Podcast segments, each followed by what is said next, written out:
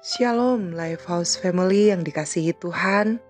Hari ini saya akan menyampaikan sebuah renungan dengan judul Hati yang Jujur. Dalam 1 Samuel 16 ayat 7b dikatakan, Bukan yang dilihat manusia yang dilihat Allah. Manusia melihat apa yang di depan mata, tetapi Tuhan melihat hati. Berdasarkan ayat ini, dapat dikatakan bahwa Daud dipilih Tuhan dikarenakan Tuhan melihat hatinya. Seperti apa hatinya Daud? Salah satunya adalah jujur. Berdasarkan Mazmur 37 ayat 37 dikatakan, Perhatikanlah orang yang tulus dan lihatlah kepada orang yang jujur. Sebab pada orang yang suka damai akan ada masa depan. Lifehouse Family yang dikasihi Tuhan, Sesungguhnya kita tidak bisa tidak jujur di hadapan Tuhan. Mengapa? Sebab tidak ada yang tersembunyi di hadapan Tuhan. Tuhan mengetahui isi hati kita. Kitab Yeremia 17 ayat 9 sampai 10 berkata, Betapa liciknya hati, lebih licik daripada segala sesuatu. Hatinya sudah membatu, siapakah yang dapat mengetahuinya?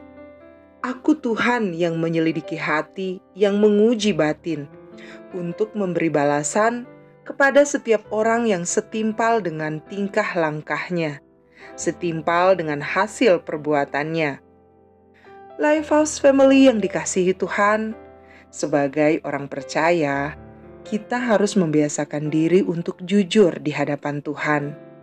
Jangan lagi ada yang disembunyikan, apalagi ditutup-tutupi seperti Daud, ketika dia marah, kesal, senang, sedih, dan sebagainya, Daud mengekspresikan isi hatinya secara jujur melalui Mazmur yang ditulisnya. Demikianlah seharusnya kita ketika kita marah, benci, tersinggung, bahkan ada dosa di hati kita, jujurlah kepada Tuhan.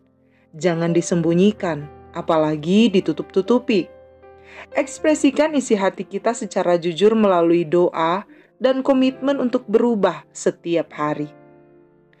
Lifehouse Family yang dikasihi Tuhan, jika kita terbiasa jujur di hadapan Tuhan, maka kita akan memiliki hubungan yang semakin dekat dengan Tuhan. Amsal 3 ayat 32 berkata, Karena orang yang sesat adalah kekejian bagi Tuhan, tetapi dengan orang jujur ia bergaul erat. Tidak hanya itu, dalam Amsal 2 ayat 7 dikatakan, ia menyediakan pertolongan bagi orang yang jujur, menjadi perisai bagi orang yang tidak bercelah lakunya. Saya percaya jika kita memiliki hati yang jujur, maka ada saja pertolongan Tuhan. Ada saja cara Tuhan menolong kita, bahkan di luar dugaan kita. Lifehouse Family yang dikasihi Tuhan, seperti Tuhan sudah memilih Daud, demikianlah Tuhan sudah memilih kita. Seperti Tuhan berurusan dengan hati Daud, demikianlah Tuhan akan selalu berurusan dengan hati kita. Ini berarti mau tidak mau, suka tidak suka, kita harus memiliki hati yang jujur di hadapan Tuhan. Dengan demikian, hubungan kita semakin dekat dengan Tuhan, dan Tuhan akan memberikan pertolongan kepada kita. Lifehouse Family yang dikasihi Tuhan, selamat menjalani hari ini dengan hati yang jujur.